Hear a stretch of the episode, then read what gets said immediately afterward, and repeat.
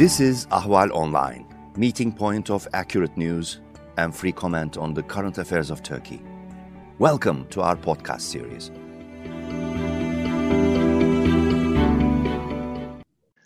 Hello and welcome to Hot Pursuit, part of Ahval video and podcast series. Today I am being joined by Nicholas Danforth, uh, senior uh, non-resident with the think tank, Greek think tank ELIAMEP, joining me from United States. Good to have you here, Nick. Thank you. Good to be back again. Yes, let's discuss this latest topic, which was uh, sort of which raised a lot of anticipation, uh, and it is also about a very, very critical, crucial uh, topic: uh, an alliance crackling between an alliance of U.S., Turkey, also Turkey's relations with NATO. So during the NATO summit um, on June 14, uh, on Monday evening after the summit, US President Joe Biden met with uh, Turkish President Erdogan. And uh, it had a very unusual format, perhaps, uh, in this context, tete a tete. Uh, 45 minutes, 48 minutes, followed by delegations meeting uh, so um, you have followed the, uh, I'm sure, the, the press conferences, press uh, uh meetings, and also, uh, you know, whatever has come out uh, from those meetings.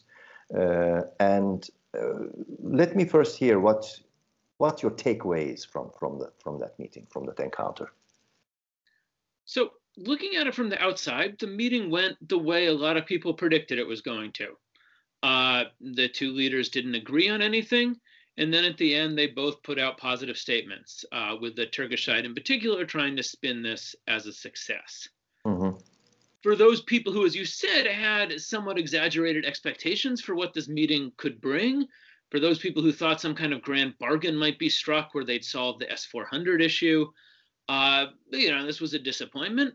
For people who had much more modest expectations, uh, this was, you know, this was fine. You know, at the end of the day, I feel like any American Turkish interaction that doesn't create new problems, that doesn't create a new crisis, um, we should take that as a win. Mm-hmm. You know, with if we live day by day basis. Yeah, live day by day. Exactly. Uh, no news, no crisis is good news. Um, if we knew what happened behind the scenes, of course, you know, at best, I'll try to be optimistic here. At best, the leaders maybe really did have the candid conversation they said they had. And in that case, you know, I don't think candor is necessarily conducive to solving any of the bilateral problems we have. But if the two sides really did have a frank exchange, we're able to take each other's measure, uh, and appreciate that neither side wanted to create new problems for the other. This could at least, again, it won't solve any problems, but it might prevent new problems from emerging in mm. the way they have in the past. Uh, a big part of this also has to do with the expectations that Ankara came into this meeting with.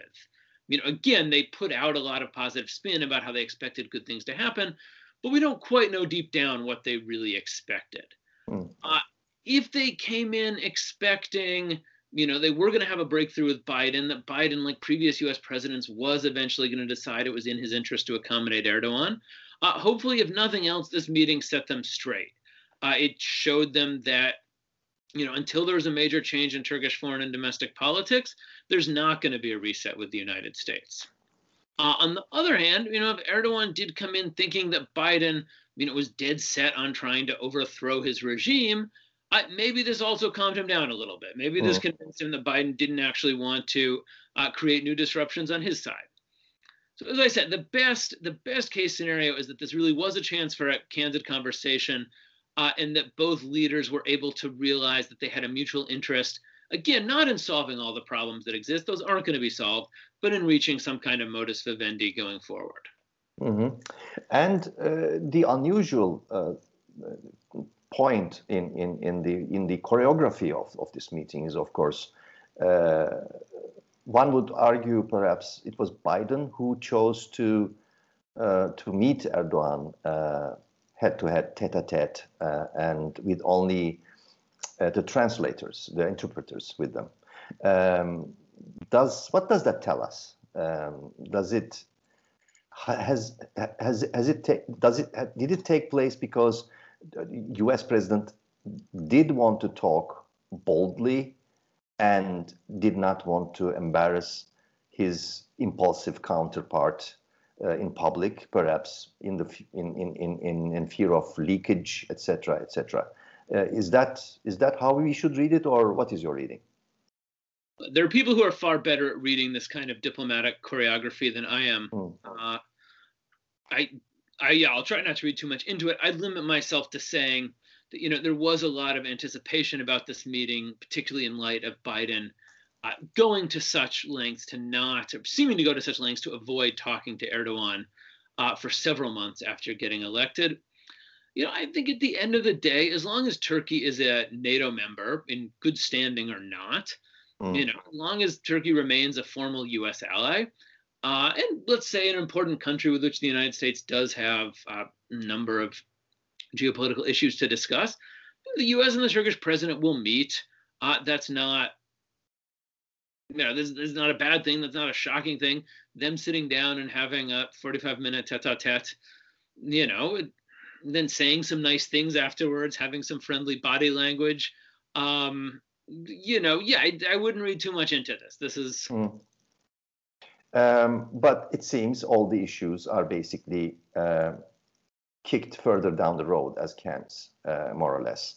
Uh, the the YPD PY, PYD, YPG issue, the Syrian Kurdish issue, was the one that Erdogan emphasized in his readout or his text afterwards. But uh, they, they, took a little bit time with it, uh, elaborating on it, and also uh, said that he had, quote unquote, repeated the, the Turkish position on S 400s.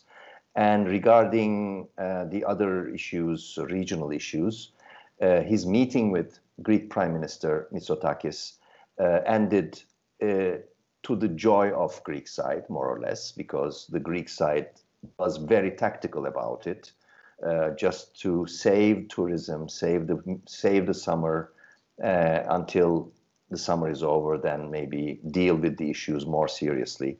So um, it looks like at one part uh, Turkish official or Erdogan's official position on, on serious issues like S-400 is there, although we see further retreat uh, from uh, earlier previous uh, offensive foreign policy, regional policy lines.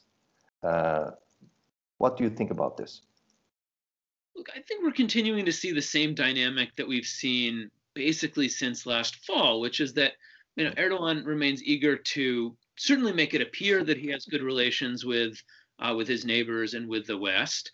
Uh, I don't doubt at some level he genuinely wants good relations with his neighbors and with the West. Uh, but it, he continues to want those good relations on his terms. He continues to want those good relations without actually changing any of the policies that have created uh, the negative dynamics, the bad relations that we have today. Uh, and you know, this meeting is another example of it. He was very eager to say that all of uh, Turkey's problems with Washington could be solved. I was very eager to put a positive face on the meeting with Biden, the meeting with the Greeks.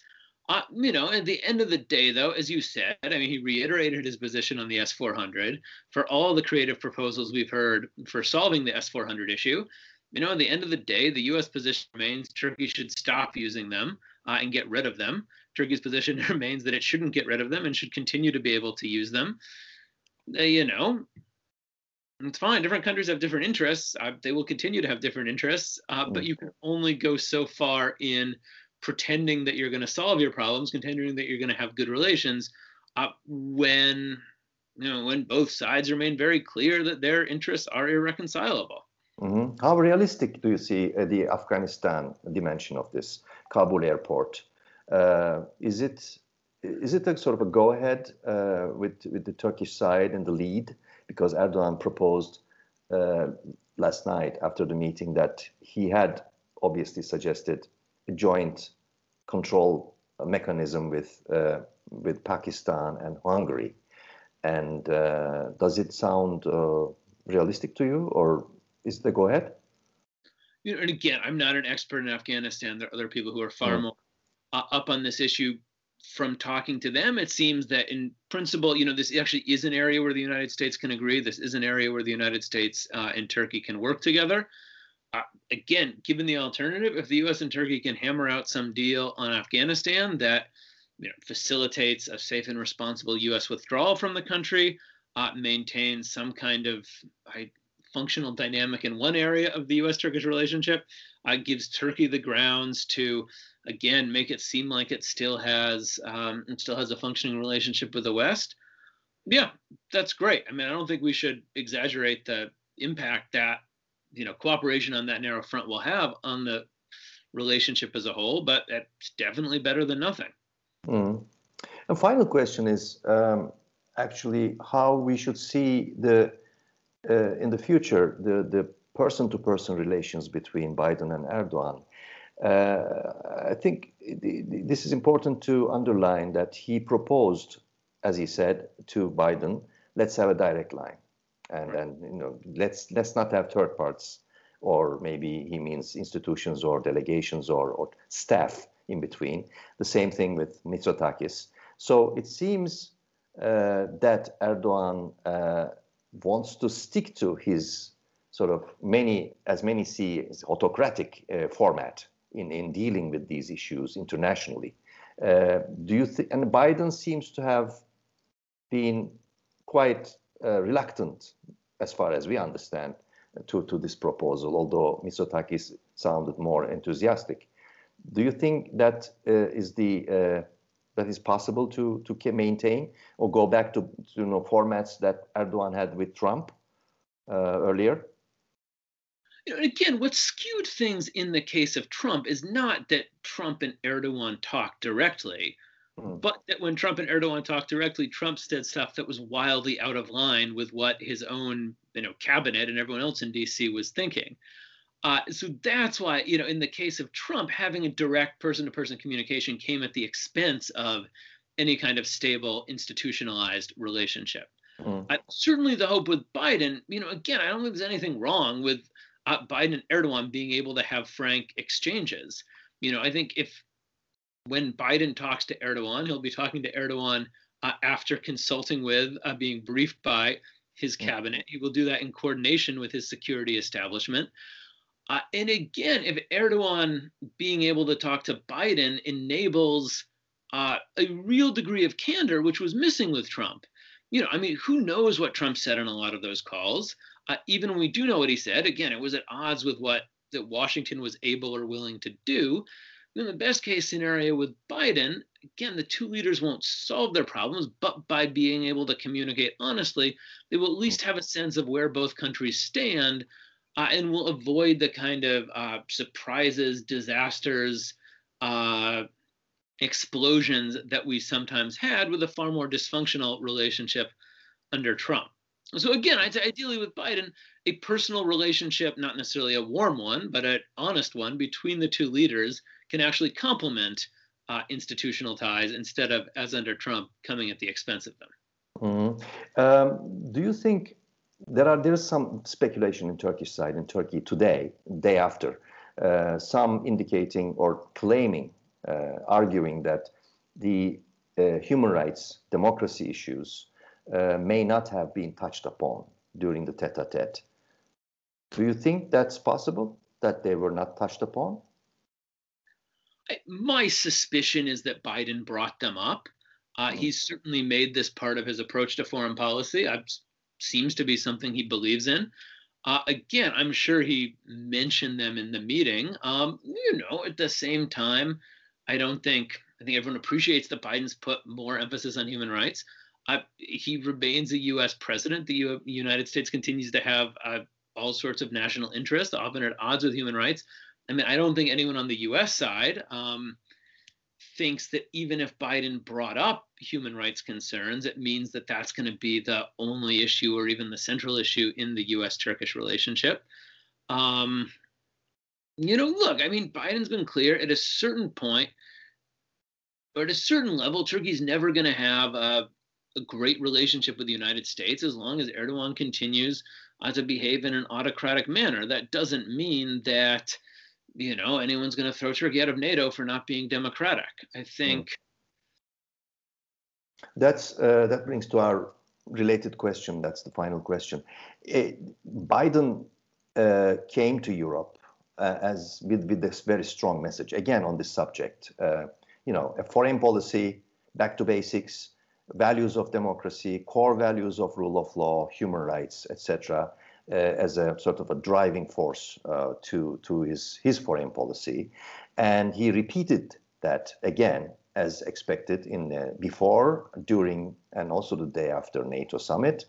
Um, and in this picture also we see Russia and China as, as sort of global major adversaries, uh, democracies versus autocracies.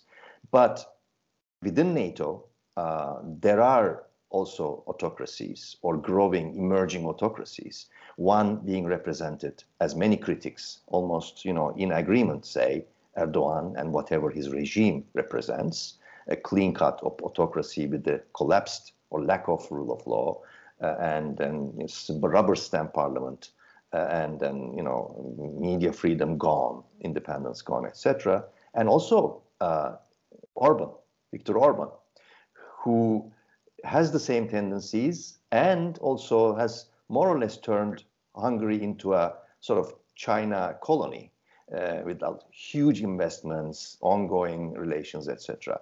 So, do you think Biden can afford to be credible while not dealing with these two leaders uh, and still claiming uh, and, and, arguing for on NATO coherence uh, on the basis of democracies versus autocracies? What do you think?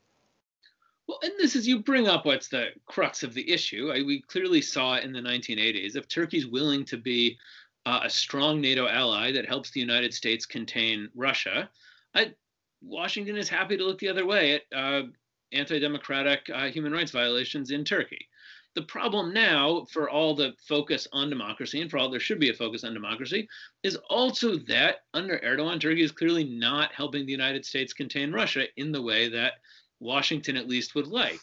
And obviously you have Turkey buying the S-400s, uh, but even other things. More recently, the fact, you know, Turkey's role in watering down the statement against Belarusia after a dissident was kidnapped. Um, you know that that resonated here. And when you can't, you know, when Erdogan can't be counted on to support NATO, and it was seen as such a clear-cut uh, issue as that, uh, you know, a lot of the other thing, you know, Erdogan says, okay, well, we'll help you cooperate against Russia in Libya, we'll help you cooperate against Russia in Idlib, we'll create a drone crescent that will somehow, you know, contain Russia and Eastern. This stuff doesn't, you know, this hasn't so far convinced anyone in Washington uh, that Turkey is actually the crucial ally Washington needs in containing, uh, in containing Russia today. Mm-hmm. Uh, and yes, I mean, there's still a hesitancy towards permanently alienating Turkey. There's still a hesitancy to doing things that will blow up the relationship and might push Turkey into the Russian camp. But at the end of the day, beyond that, the sense is that, you know, as Turkey insists, it's following an independent foreign policy. Uh, it's doing what it needs to do to advance its own interests. Uh, from my point of view, and the point of view of other people in the United States, you know, Turkey's going to keep selling drones to countries because it wants to make money selling drones. Turkey's going to keep uh, pushing back against Russia in Libya and in Nagorno-Karabakh and in Idlib because that's in Turkey's interest. Uh, why that should be a reason for the United States to make concessions to Erdogan in other areas, I I fail to see. Mm-hmm. But again, to the question, does can Biden afford to to ignore uh, Erdogan within NATO in NATO context? context or in sort of you know Western Bloc context. I mean, so I think getting back to this Belarus issue, uh, what a lot of people in NATO are going to be trying to figure out is how can we get to a point where we can start ignoring Turkey. Hmm. You know, the problem for NATO right now is that because you know, all NATO members have veto rights in the alliance, uh, Turkey can actually play a spoiler role, which is very disruptive for NATO. Um, and I hmm. think there's nothing the United States and NATO would like more than to get to the point where they can ignore Turkey. Uh, and it's difficult now, but that is, or I certainly think should be, the direction of US strategic thinking. Nicholas Danforth, uh, Senior Non Resident Fellow with Greek think tank ELIAMEP, thank you for joining me. Thank you so much for having me on.